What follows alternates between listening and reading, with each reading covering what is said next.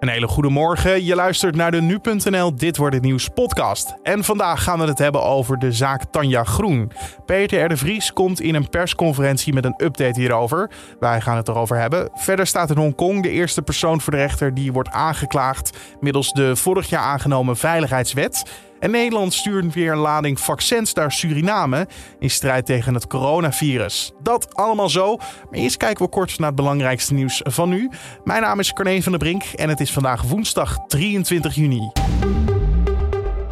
Verschillende gebouwen in München zullen vanavond alsnog worden verlicht in de regenboogkleuren tijdens Duitsland-Hongarije.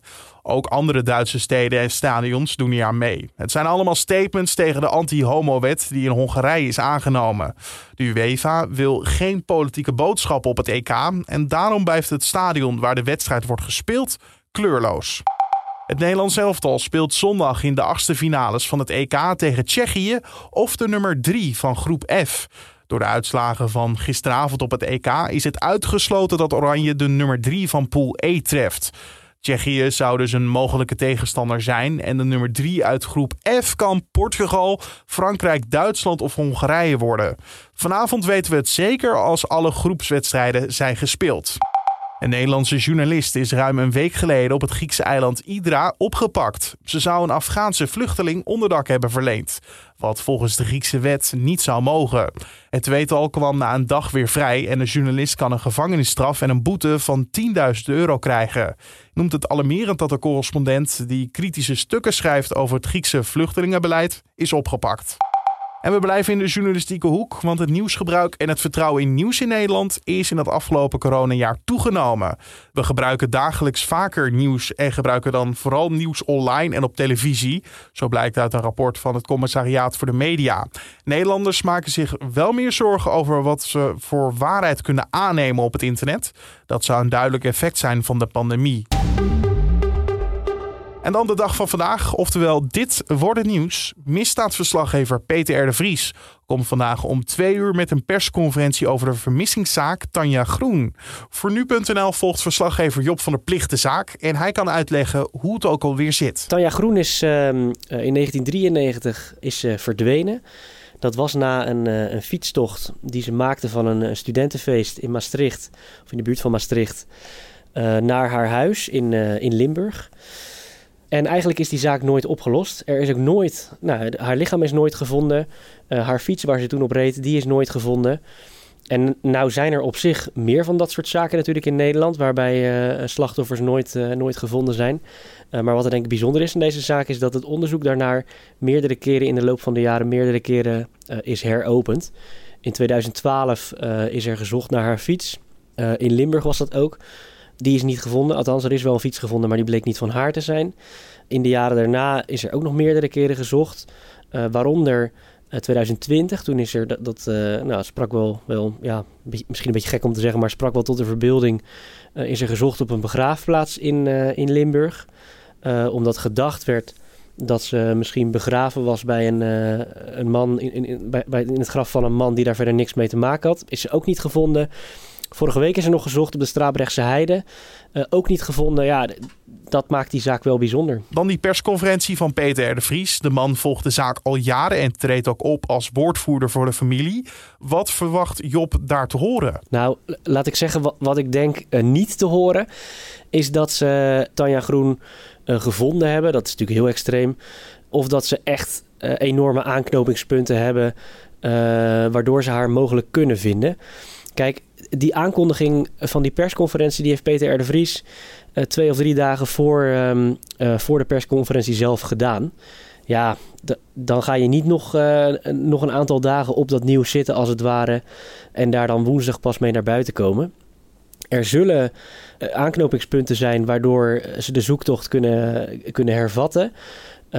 Maar die zullen niet zo concreet zijn dat ze dat direct kunnen oppakken, verwacht ik.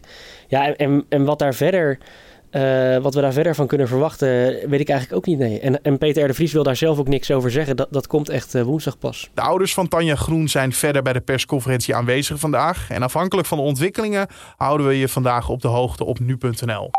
In Hongkong staat vandaag voor het eerst iemand terecht vanwege het overtreden van de nieuwe veiligheidswet.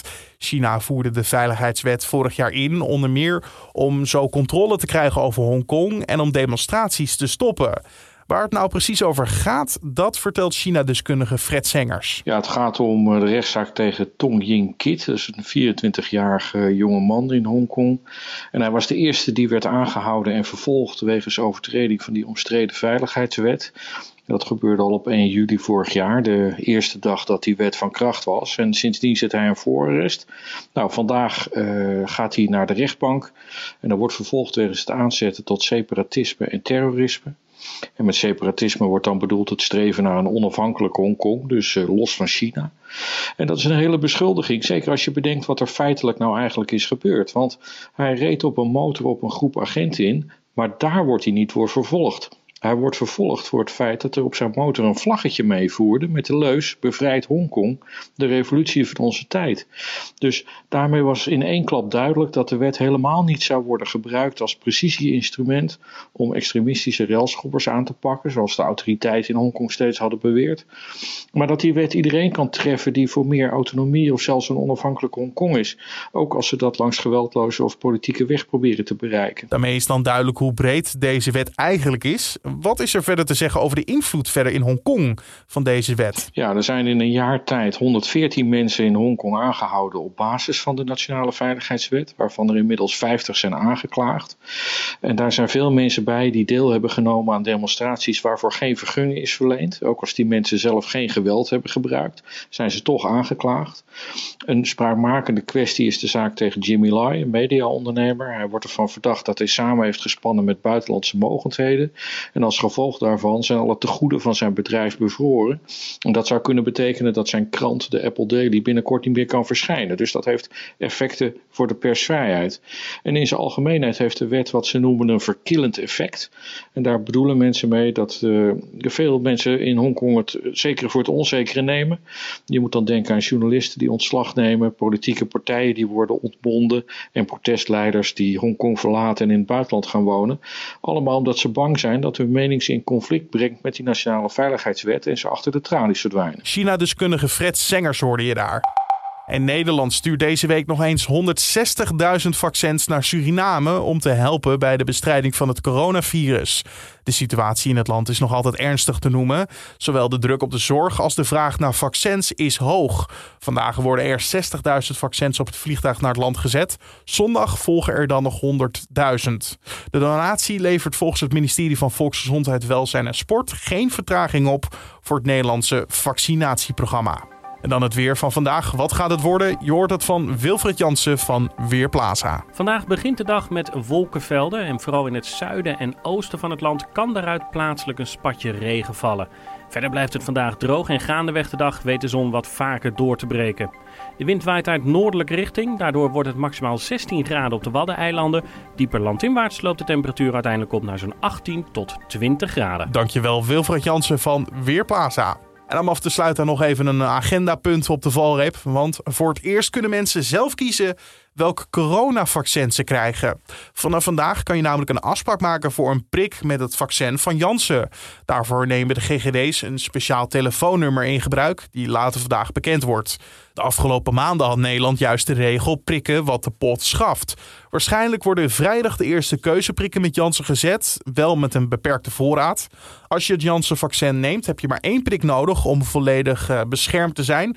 En als je al een afspraak voor een ander vaccin hebt staan, kan je bellen met de GGD om de afspraak om te zetten. En tot zover deze Dit wordt het nieuws podcast voor de woensdag 23 juni. Je vindt ons in de ochtend en middag op de voorpagina van nu.nl en in je favoriete podcast app. Help ons de podcast beter te maken elke dag weer een stukje beter uh, door bijvoorbeeld een mailtje te sturen naar podcast@nu.nl of een recensie achter te laten bij Apple Podcast. Je zou ons er enorm mee helpen. Alvast bedankt. Mijn naam is Carne van der Brink. Een hele mooie dag vandaag en bedankt voor het luisteren.